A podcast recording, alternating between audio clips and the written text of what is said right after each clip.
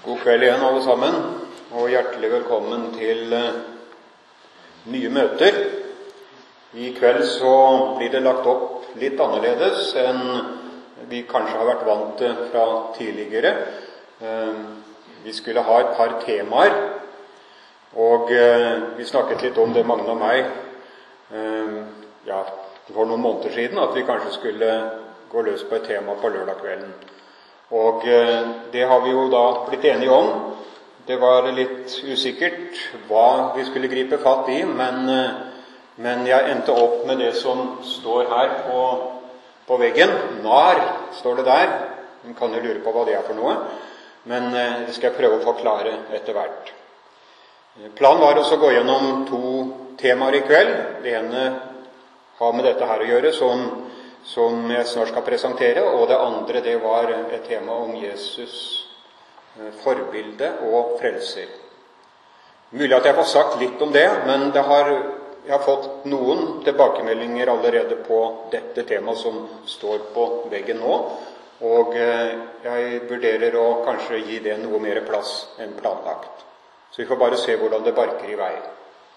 Eh, en gang i løpet av kvelden så skal vi få gitt anledning til å stille litt spørsmål, om det er noen som har, noen, har noe å spørre om.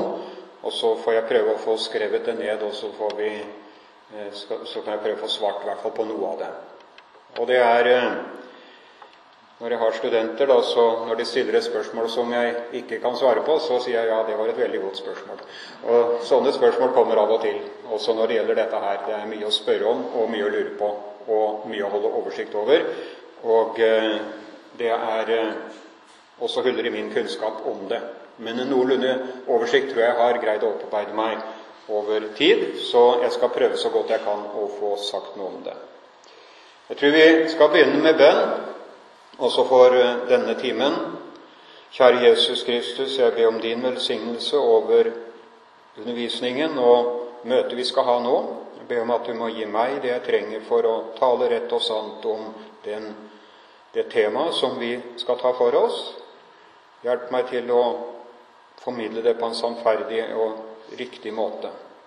Jeg vil også be om at de som hører på, må få hjelp av det, få klarhet, Herre Jesus, og få hjelp til å kunne vurdere noe av de strømningene som gjør seg gjeldende i vår tid.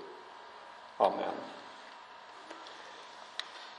Vi begynner med å lese et bibelord som jeg da tar som en slags introitus til det jeg skal si, og som en påminnelse. Den er ifra Filippebrevet kapittel 1, vers 9 eh, og 10. Eh, det er Paulus som skriver til menigheten i Filippi, og på den tiden var det også mange ting å ta stilling til. Og Paulus han roser menigheten fordi den preges av kjærligheten. Og det ser ut til det at Paulus apostelen med Paulus, når han skriver det, altså, så legger han vekt på at kjærligheten kommer først. Og den ser han i, i, i menigheten i Filippi. Det er en menighet preget av kjærlighet.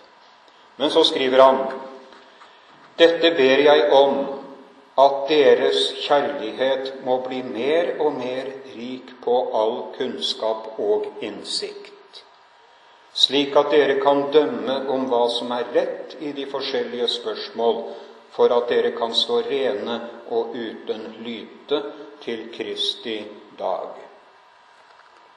Så her ber Paulus for menigheten i Filippi at kjærligheten deres må fylles med kunnskap. Og Jeg syns det er greit at kjærligheten kommer først, og kunnskapen kommer etterpå. Men vi trenger også kunnskapen, både om det som Guds ord underviser oss om, men også om det vi står overfor, eh, slik at vi kan dømme, vurdere hva som er rett i de forskjellige spørsmål. Så det har vært min bønn om at vi kan få noe av den effekten ut ifra det som, skal, som det skal sies noe om i kveld. Så la oss gå rett på dette temaet. NAR står det der. New Apostolic Reformation. Oversatt ny apostolisk reformasjon. Ehm, Dette ordet 'nar' det svirrer rundt omkring i, på, på, på, ja, i, mellom kristne. Noen har et visst begrep om hva det handler om. For andre så er det fullstendig ukjent, et merkverdig, mystisk uttrykk. Og eh, hva er det nå dette her er for noe? Det er klart at eh, vi som står i en sånn luthersk tradisjon primært, og kanskje i en evangelisk tradisjon også eh, ellers, vi veit hva, hva, en reformasjon er for noe. Når, eh, når jeg sier ordet 'reformasjonen', ja, så føres jo tankene tilbake til 1500-tallet, da Martin Luther sto frem og i protest mot den katolske kirke. Eh, Luther hadde gjenoppdaget evangeliet, at mennesket blir frelst utelukkende ved tro på Jesus Kristus uten egne gjerninger. Og eh, den oppdagelsen som Luther gjorde, ja, den, den ble meddelt til folket. Og etter hvert så kom det, ble det skapt en folkebevegelse, nærmest. Vi kan vel gjerne beskrive det som en vekkelse det er eh, mange mennesker som slet med sitt forhold til Gud, og kanskje også mange som overhodet ikke tenkte på Gud, ble grepet av dette budskapet om at Gud har faktisk gjort alt det som trengs for at et menneske kan bli frelst. Jeg behøver ikke å supplere med mine egne gjerninger. Det betyr ikke det at en ikke skal legge vekt på gode gjerninger, men poenget er at du blir ikke frelst ved det. Det var den lutherske reformasjonen. Og Den førte til et brudd med den katolske kirke, og til at det oppsto la oss si, en ny, ny bevegelse. Og Den ble jo etter hvert også delt i, i forskjellige, gikk litt i forskjellige retninger. Du fikk Calvin, som kom noen tiår etterpå, og den reformerte bevegelsen. Den har mange likhetstrekk med den lutherske, først og fremst den felles oppfatning av evangeliet, slik jeg forklarte det nå. Samtidig er det også noen forskjeller.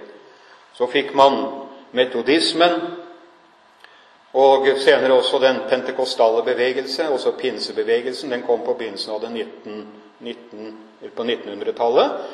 Og alle disse her de deler denne oppfatningen om evangeliet som eneste grunnlag for frelsen. Men de har divergerende oppfatninger om diverse andre ting. Og Det skal vi ikke gå så mye inn på nå, men vi kjenner jo til vel spørsmål om dåpen, f.eks. Eh, er det den eneste reformasjonen som skal komme over eller i historien? Nei, sier eh, de som eh, er opptatt av den, det vi kaller den nye apostoliske reformasjonen. De mener at det pågår en tilsvarende reformasjon i kristenheten i vår tid. Eh, han som regnes for å være, um, å være den la oss si, fremste talsmann eller ideolog, eller hva vi skal kalle det, for denne bevegelsen, han het Charles Peter Wagner, døde i 2016 og var i mange år professor ved Fuller Theological Seminary og underviste der bl.a. i kirkevekst. Han har, eh, han har skrevet en masse med bøker. Han har eh, analysert sin samtid og ser hvordan eh, Det er sånn omtrent fra slutten av 1990-tallet så mener han at det skjer en reformasjon, en ny bølge som kommer over kristenheten, som han mener er like, eller og enda mer, eh, gjennomslagskraftig enn den lutherske reformasjonen var. Eh, han eh, skriver om det. Wagner er, vi kan godt si, eh, denne bevegelsens store profet, nærmest, og premissleverandør utvikler en egen teologi som svarer til eh, denne nye bevegelsen. Og han, inn i denne teologien hans da, så skjelner han mellom tre epoker i Kirkens historie. Eh, han griper fatt i det som vi kaller restaurasjonsbevegelsen, som kom noe, noen år før han, og noen, ja, la oss si på slutten av 1800-tallet. Og så sier han at kirkens første tidsalder den går frem til tre år 313. Det var jo sett i lengre perspektiv ikke så veldig lenge, men hva var det som skjedde i 313? Jo, da ble Da kom dette Konstantins, altså keiser Konstantins edikt, som førte til at kristendommen ble anerkjent som en religion i det, i det romerske riket, og keiseren selv proklamerte seg som kristen og ga den kristne tro en rekke privilegier, eller en slags særstatus, i riket. Da oppstod denne alliansen kan vi si, mellom stat og kirke, og eh, så kom det en ny tidsalder. Forut for det så hadde vi den opprinnelige første kirkens tidsalder. Eh, den beskrives av eh, de som tilhører denne narbevegelsen, som en, den, den egentlig genuine tiden da hvor alt fungerte som det skulle. Eh, da hadde man apostler, profeter, som talte på Guds vegne. Man hadde et femfoldig embete, ble det sagt, eh, ut ifra Efesbrevet kapittel 4,11. Gud satte inn først noen til å være apostler, profeter, hyrder, diakoner og, og lærere. Alt dette var på plass i Kirkens aller første tid. Men så kommer det et aldri så lite brudd. Du får denne epoken da, som han mener, han skipper i grunnen reformasjonen, som varer fra år 313 til 1982. Altså helt inn i vår tid så har man da den, den kirkens andre tidsalder. Og Hva er det som skjedde i 1982, og gjerne litt før det? Jo, da kom den karismatiske bevegelse.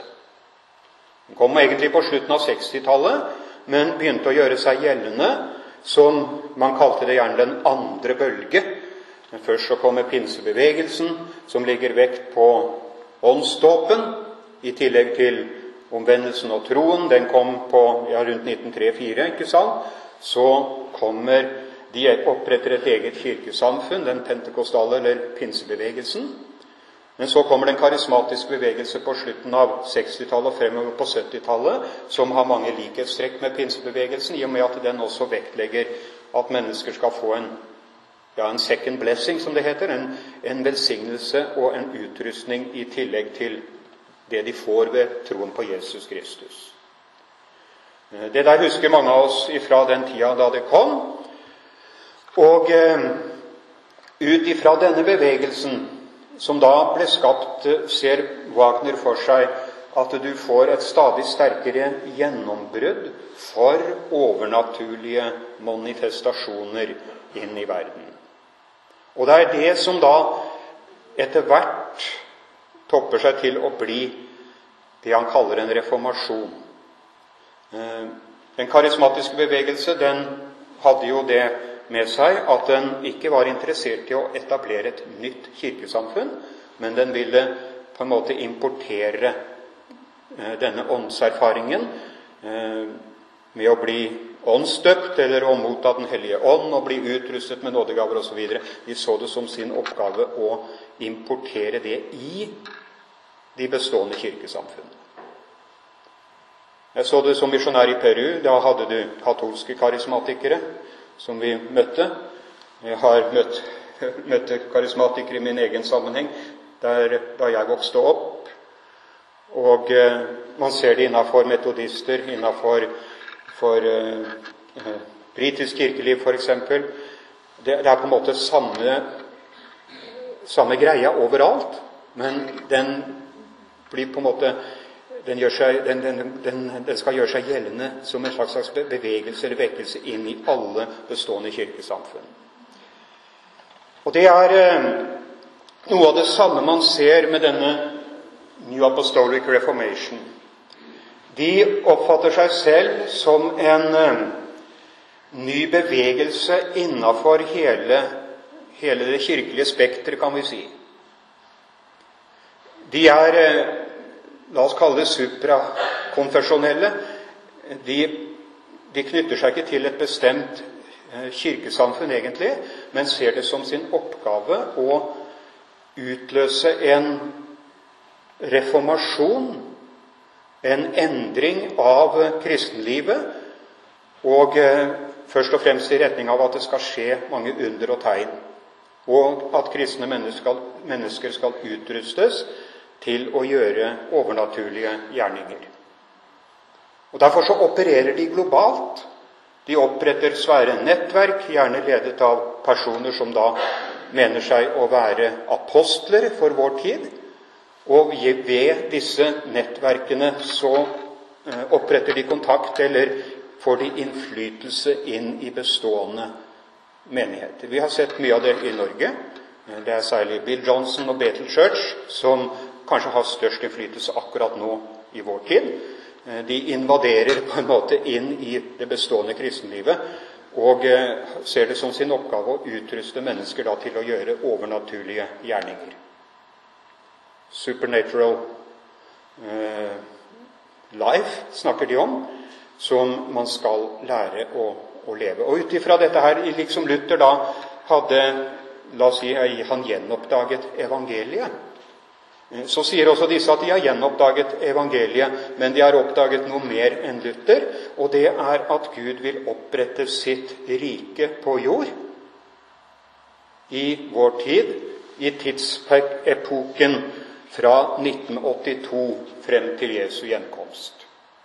Det fikk gjennomslag, sier Wagner, først og fremst ved årtusenskiftet, altså i 1998, mener han da. Da begynte virkelig denne nye apostoliske tiden å gjøre seg gjeldende. Så det er snakk om en bevegelse som ser det som sin oppgave å la oss si spre eller utvikle en slags ny kristendomsforståelse. Og det bunner altså i en, en forståelse av evangeliet som man kan si er utvidet i forhold til, til det enkle evangeliet om at Jesus Kristus døde for våre synder, og vi har fått frelsen i forhold til Gud, ikke sant? Syndenes forlatelse, det er det det handler om. Ja, det sier de, det handler det selvsagt om, men i tillegg så handler det om at Guds rike skal opprettes som en synlig størrelse på jorden. Gjennom disse profetene og apostlene. Det skriver de veldig mye om i sine bøker, og jeg skal komme tilbake til det litt etter litt. Og jeg vil tro at man, man, kan kjenne igjen denne la oss si, virksomheten med tanke på å opprette eh, Guds rike som, eh, ja, som en størrelse som manifesterer seg i form av under og tegn. Eh, unge mennesker skal læres til å gå på gatene for å helbrede og slike ting. Det har med det der å gjøre. Men Det er vi godt kjent med i Norge, men vi er ikke så godt kjent med at de også har en politisk agenda som er veldig tydelig og som viser seg veldig tydelig i amerikansk media i anledning eh, presidentvalget om ca. fem-seks uker. Det skal jeg prøve å si litt mer om etter hvert, det òg, tenker jeg. Men eh, nå vet jeg ikke om dette her er mulig å se. Jeg prøver å tegne en liten, eh, en liten sånn skisse som skal vise hvordan de tenker om la oss si, de siste 100 årene omtrent, og vel så det. De, de identifiserer seg nærmest ved, naturlig nok ved pinsevennbevegelsen. Og eh, omtaler Det var også Wagner som kalte pinsebevegelsen 'the first wave', altså den første bølge av åndskraft, nærmest, over, over verden. Kom i 1906. Så kom den karismatiske bevegelse, som sagt, i 1960 og utover. Dennis Bennett, kanskje husker det navnet. Boken hans ble oversatt til norsk òg. 'Gud har mer å gi'. Eh, og så kom Toronto-bevegelsen i 1990. Det var på en måte gjennomslag for noe nytt. Jeg vet ikke om dere husker den? Toronto-bevegelsen. Eh, jeg var misjonær i Peru når den kom. Og jeg husker at noen av mine evangelister som var, la oss si, som trauste hedmarkinger omtrent. De hadde vært på et møte da de så en anglikansk bispekandidat som datt i gulvet og lå sprellet og, og, og, i krampetrekninger fordi han var fylt av Ånden. Det syntes de var rart. Og sånn gikk det over hele verden. Det begynte i Toronto, Og det var da Randy Clark som på en måte var den personen som satte det hele i gang. Man trodde at, at Gud manifesterte seg ved at folk falt på, i gulvet og, og ja, oppførte seg eh, ja, på merkelige måter, egentlig. At det var en, en åndens manifestasjon. Den gikk faktisk over hele verden som en farsott. Jeg møtte det som bibelskolelærer på Fjelltun den gangen. Jeg husker en av mine elever sa hun hadde vært i Bergen på et stort arrangement, og det sto i dagen om at hele denne ungdomsflokken falt i ånden for, for, for, mens vi sto og sang. Ja, vi kunne jo knaten falle, sa hun, for de, de ble jo dytta over ende. Når den ene falt, så ble det en sånn dominoeffekt, så hun syntes dette her var veldig rart. Men man så på det som et åndelig fenomen. Veldig rart når man ser tilbake på det, hvordan folk gikk på det greiene der.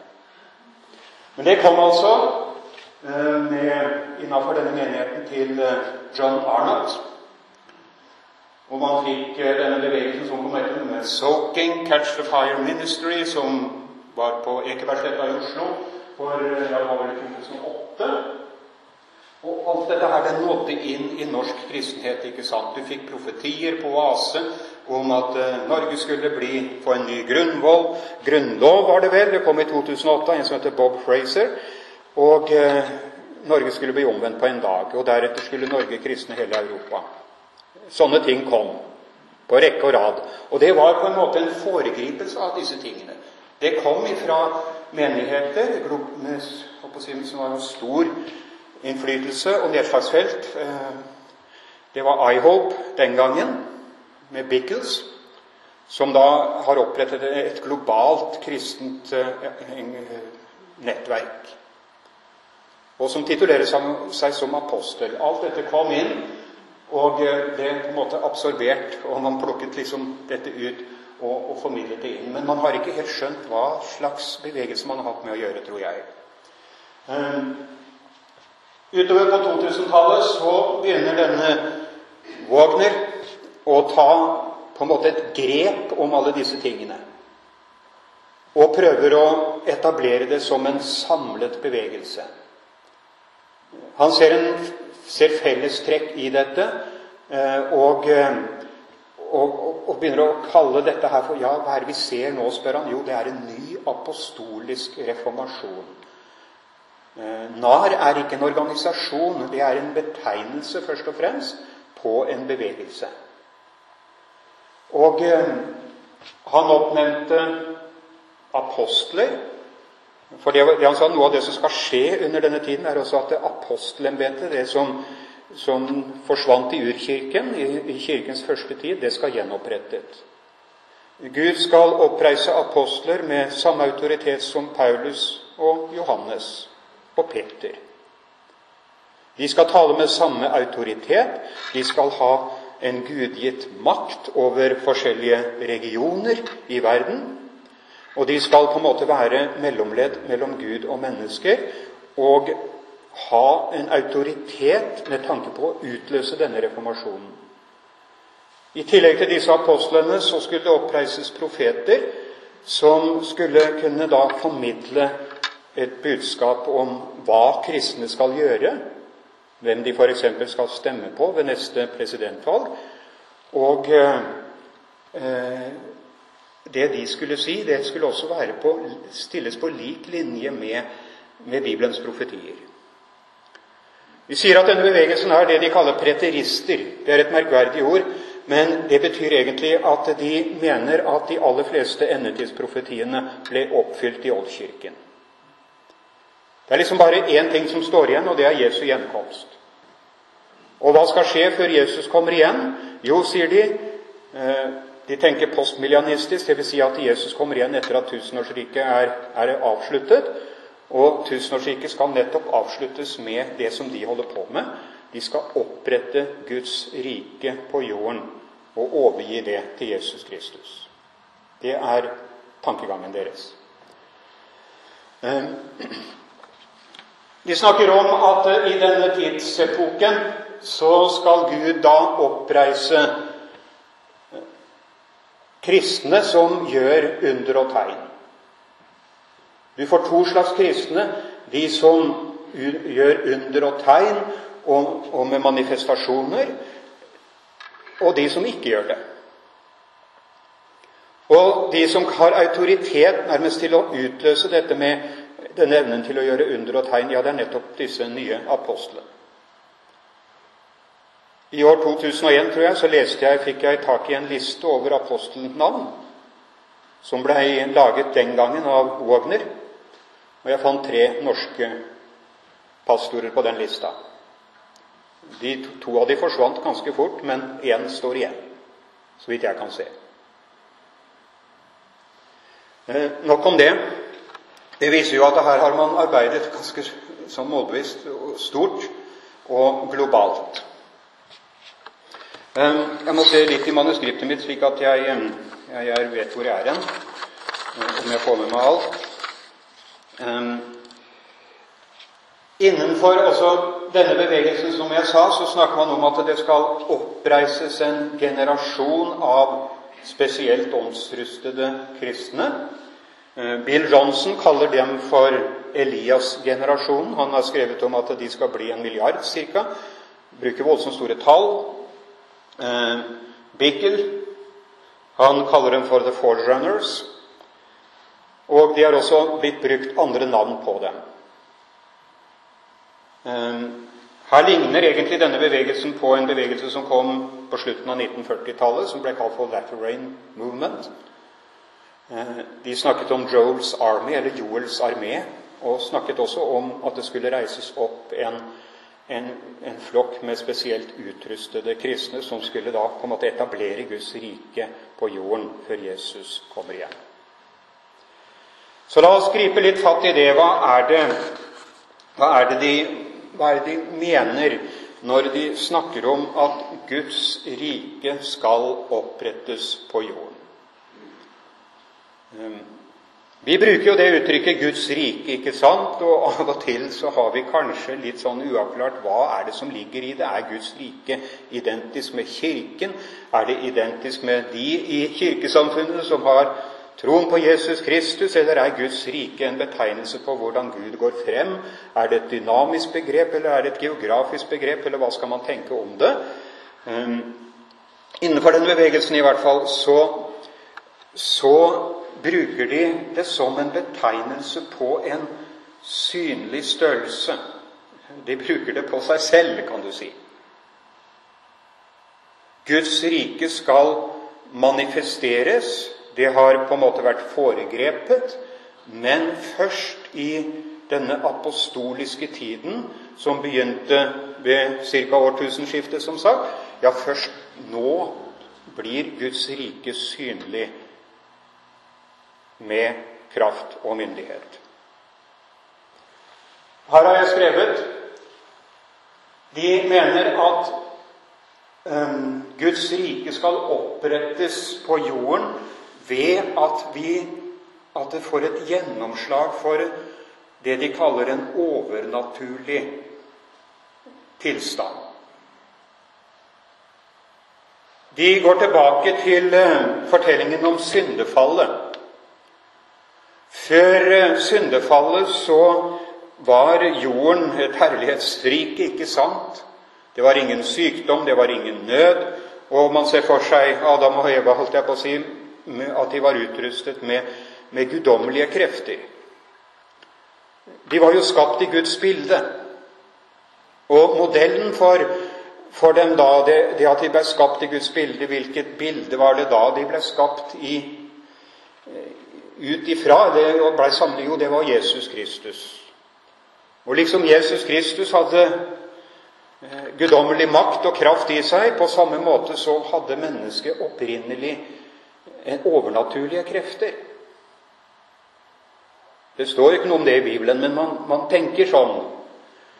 Og så kommer syndefallet, og det ser man på som en slags kamp mellom Gud og Satan. Det er Satan som på en måte tar innersvingen, og så får han fristet mennesket til å gjøre opprør imot Gud. Og følgen av det er at mennesket mister eh, de overnaturlige kreftene. Eh, de, får, eh, de, de taper Guds bilde. Det blir borte.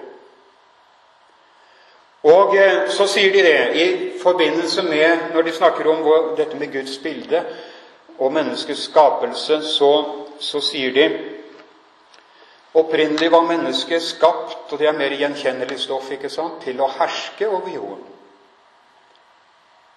Um, vi er skapt til å herske, til å legge jorden under oss. Og det er ofte det man legger vekt på når man underviser om at mennesket er skapt i Guds bilde. Jeg tror det er litt unyansert, men det legger de veldig vekt på her, i hvert fall.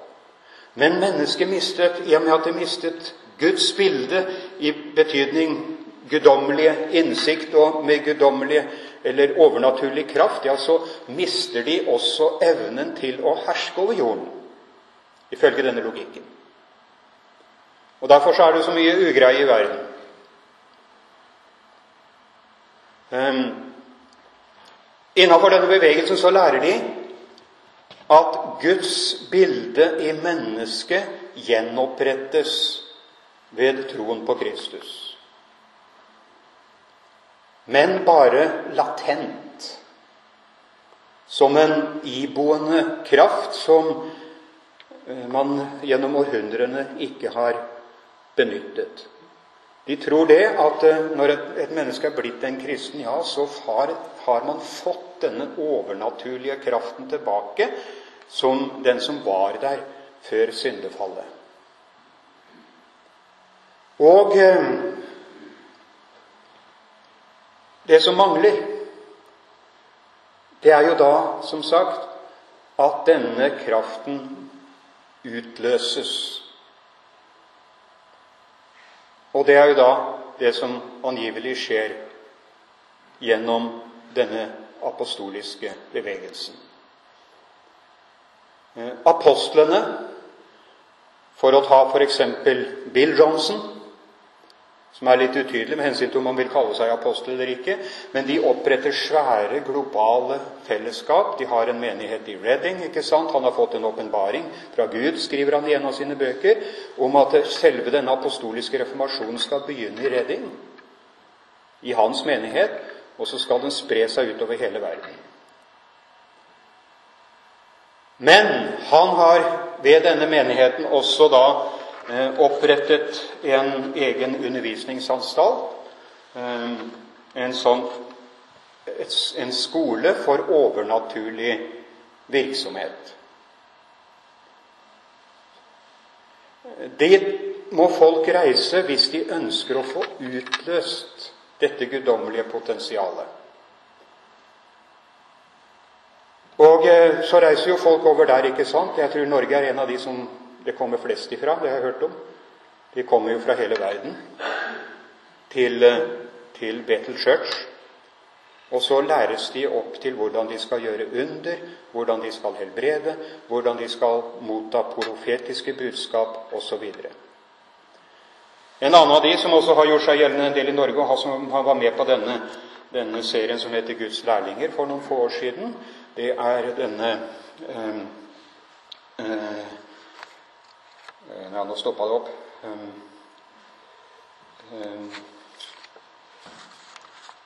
ja, Randy Clark. Han har også en, eh, driver en sånn global virksomhet der hvor han uh, si, kurser mennesker til å kunne motta profetiske budskap og til å gjøre under og tegn. Og han sertifiserer til det. Det står det på hans hjemmeside. Han titulerer seg som apostel. Og med det så, så, gir han til kjenne at han anser seg selv, og han har blitt anerkjent som en person som kan formidle disse tingene. For saken er at bare de kan herske over jorden,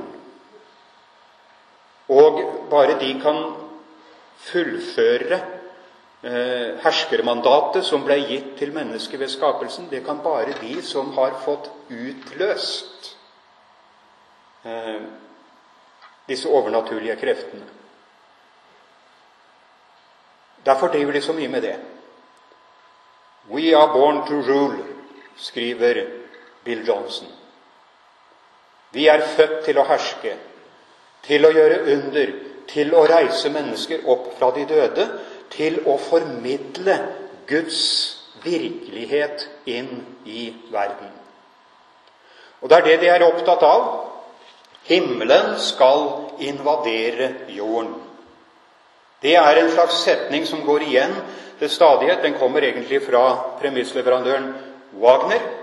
Men Bill Johnson har jo da skrevet en bestselger. Den er jo oversatt til mangfoldige språk, og også til norsk. Den heter 'Når himmelen invaderer jorden', gitt ut på Proklamedia forlag, er det vel. Veldig mange som har lest den. When heaven invades the earth. Altså, det ligger noe i denne tittelen som er veldig programmatisk. Man ser for seg at gjennom disse apostlene og profetene og gjennom denne narbevegelsen så skal etter hvert jorden og verden bli invadert av himmelske krefter. Og da skal, da skal sykdom opphøre. Det tror de fast, fullt og fast på.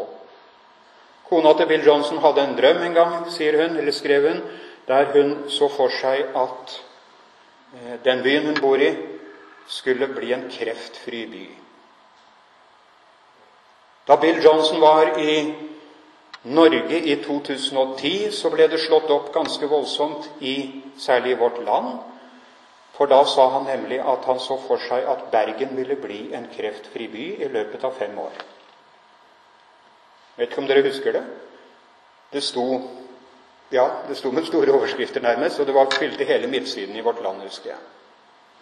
Ja, hva er, for, hva er, bakgrunnen for å si det? Er det på en måte bare et uttrykk for hva han ønsker skal skje, eller ligger det en teologi bak? Ja, det ligger en teologi bak. Det gjør det. Um, man skal eh, invadere jorden. Uh, man skal få makt gjennom disse menighetene. De skal på en måte involvere eller invadere andre menigheter. Jeg får nesten bare si det sånn. Og så skal de utløse dette potensialet. Og Det er også hva man er med på egentlig når man da si, reiser til Redding og, og eh, involverer seg med disse bevegelsene. Man skal lære å lytte til Guds stemme, og man skal, kunne, man skal handle og gå på Guds røst. Det er ganske mange som har prøvd det opp gjennom årene.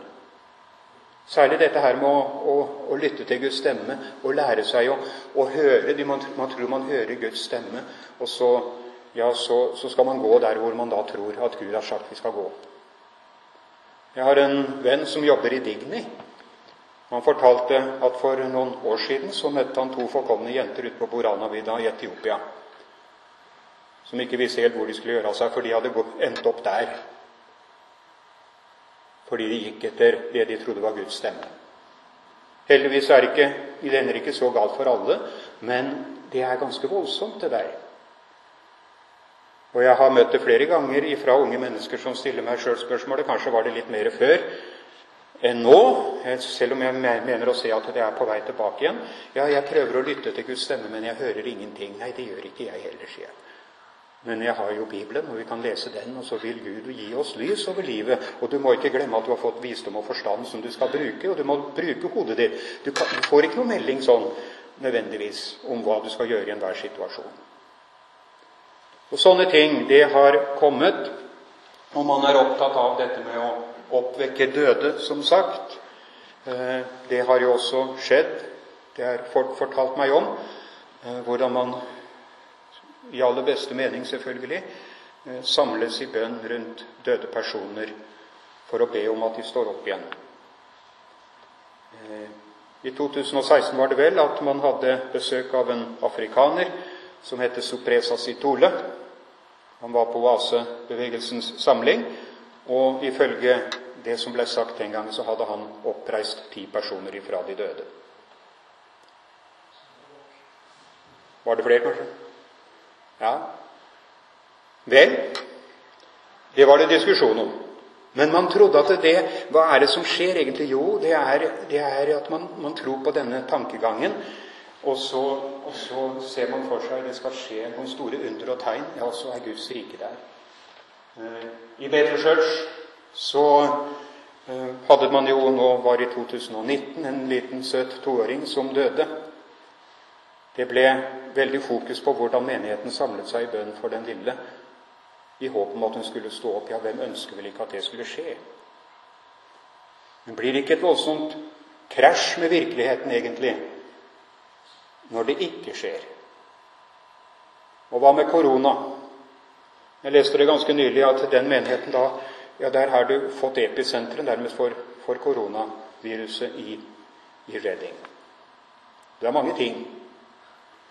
Man ser for seg at Guds rike skal opprettes, og at himmelen skal invadere jorden. De paradisiske tilstander skal komme tilbake. Og så må mennesker leve i en, si, en virkelighet mens de er i menigheten, i en annen virkelighet mens de er utenom den. Det var det ene aspektet ved det som har med, med Guds rike å gjøre, og deres tenkning om det. Ehm, den er relativt godt kjent i, eh, i Norge. Kanskje ikke systemet og tankegangen som ligger bak, men praksisen. Den kan man ikke unngå å ha sett. Og det er greit å se det i en større sammenheng. Men de har også annen, et annet aspekt ved denne læren de har om at Guds rike skal opprettes på jorden. Og det er eh, kanskje noe som har kommet sterkere, vil jeg si, særlig fra ca. 2005-2006, tenker jeg. Og det er det de kaller da altså, De skal få en politisk makt og innflytelse og skal også opprette Guds rike politisk. De skjelner mellom to typer profeter, minimum. Og det er eh, kirkeprofeter, church prophets, og så har du da politiske profeter, kingdom prophets. De mener på ramme alvor at eh, Gud har oppreist personer med profetisk innsikt i politiske spørsmål. Og de kan bruke veldig sterke ord om hvor, si, hvor, hvor, hvor voldsom denne innsikten er. Og eh, i forlengelse av det så har de en lære om at denne New Apostolic Reformation-bevegelsen, som ja nå etter hvert også går under andre navn, den skal komme inn i et slags forhold til de regjerende myndigheter som innebærer at de får, at de får politisk makt. De vil opprette allianser med, med store politiske ledere på nasjonalt plan, og også innafor mindre sektorer eller mer beskjedne sektorer i samfunnet. Ehm, ehm, hva tenker de da? Vi skal prøve å, å, ta, og se litt nærmere på det. Ehm, I høst, eller la oss si i vår, så har jeg prøvd å lese meg litt opp på de politiske programmene deres. De er veldig luftige, det må jeg si, men de er samtidig veldig interessante. En som heter Johnny Enlow. Han skrev eh, to bøker i 2009 og 2008 som heter eh, The Seven Mountain Mandat. Det er den ene. Og den andre heter The Joseph Mantle. I denne boken, som heter også De syv fjellers mandat på norsk, så skriver han om hvordan den kirkebevegelsen han tilhører, skal få makt over syv fjell. Og med uttrykket 'fjell' så mener han da maktområder i samfunnet. Egentlig så ble denne, denne syv fjellers mandat-profetien den ble gitt til Cunningham, var det han het, han som grunnla Ungdom i oppdrag i sin tid. og den, måte den, De overtar den profetien at, man, at kristne mennesker da må få kontroll over følgende områder i samfunnet undervisning, religion, familie, næringsliv, regjering, underholdning og media. Og Nå kan vi jo godt si at de som driver med kristen politikk, ikke sant, de ønsker jo nettopp å få makt over disse, disse områdene. Francis Schäffer var jo veldig opptatt av disse tingene i sin tid. Og det har vært en, la oss si, sett det som en oppgave å sørge for å få kristen innflytelse og kristne verdier inn i forskjellige sektorer i det kristne samfunnet. Og Det er jo en demokratisk rettighet vi har. Eh, men når en sånn tenkning, som den egentlig opprinnelig antageligvis var også Når denne tenkningen byttes ut med denne nar-teologien, så blir tankegangen at det er de som da har fått Guds bilde gjenopprettet Det er bare de som kan gå inn i disse rollene. Vanlige kristne har det ikke på plass ennå. De har fått den overnaturlige makten eller kraften tilbake. Den ligger liksom bare og sover. Og ikke-kristne mennesker ja, de kan det heller ikke, for de har mista Guds bilde og vet ikke åssen de skal styre verden, egentlig. Men de som da har fått um, denne, dette overnaturlige utløst, de kan gå inn i disse posisjonene. Og Det der, det gir seg uttrykk i at de, særlig når det gjelder disse apostlene, de blir beskrevet som hærførere og herskere. De skal, det er de som egentlig skal gå inn i de politiske alliansene. Og Johnny Enlov han skriver om det at at de vil på en måte, Han sammenligner dem med Josef. De tar ofte et utgangspunkt i Det gamle testamentet. De skriver om Josef i hans forhold til farao. Liksom Josef ble gitt all makt av farao, skal Gud gi Eller farao, eller så skal, skal fyrster eller ledere i vår tid gi makten over i hendene på folk fra denne bevegelsen. Det sies helt konkret. Og de ser for seg, som sagt, at, eh, at de skal da komme inn i posisjoner inn i forhold til sekulære ledere innenfor de forskjellige samfunnsområdene. Og denne Enlow han skriver de vil ha en slik visdom og forstand at det, at det kan ikke være mulig å motstå dem. Alle som vil skjønne at det beste er å på en måte gi det i hendene til dem. Og det skal gå helt til topps. Og da kan du se, man se for seg at det skal opprettes en allianse da med, med, en, med, med statslederen og denne bevegelsen. Og når denne alliansen da er opprettet, ja, så skal det virkelig ta av. Da skal Guds rike komme til jorden. For da vil de få makt i ryggen for å gjennomføre det Johnny Enlow da kaller revolusjon. Eller reformasjon. Og Jeg rister jo litt på huet når jeg leser det han skriver. Og jeg rister enda mer på huet når jeg ser at det er ganske mange som hører på ham. Det virker veldig fantastisk. Han skriver i tillegg, og det rekker jeg muligens før vi tar en pause, eller hva syns du? Litt til? Ja, jeg har mer på hjertet, men det får jeg ta i neste time, da. Men altså han, En kan spørre seg ja, hvordan tenker de at dette her skal gjennomføres? Jeg skal ta for meg et par til av disse, disse personene som er, eller har status som profeter i denne bevegelsen. Altså Johnny Enlow er på en måte sertifisert av selveste Wagner. Og flere andre av disse apostlene skriver i denne boken hans hvordan de på en måte stiller seg bak det han har skrevet. Så han er representativ. Men han, alle, disse, alle disse her som skriver slik som han gjør, og det er blitt ganske mange etter hvert, de tror at USA er Guds utvalgte nasjon for å gjenkristne verden. De skriver helt eksplisitt om det. Og der viderefører de en tenkning som kan føres tilbake til en bevegelse som startet i ca. 1960 i USA av en som heter Russ Dooney. Eh, en ganske hva skal jeg si eh, smart mann, selvfølgelig, og kalvinist.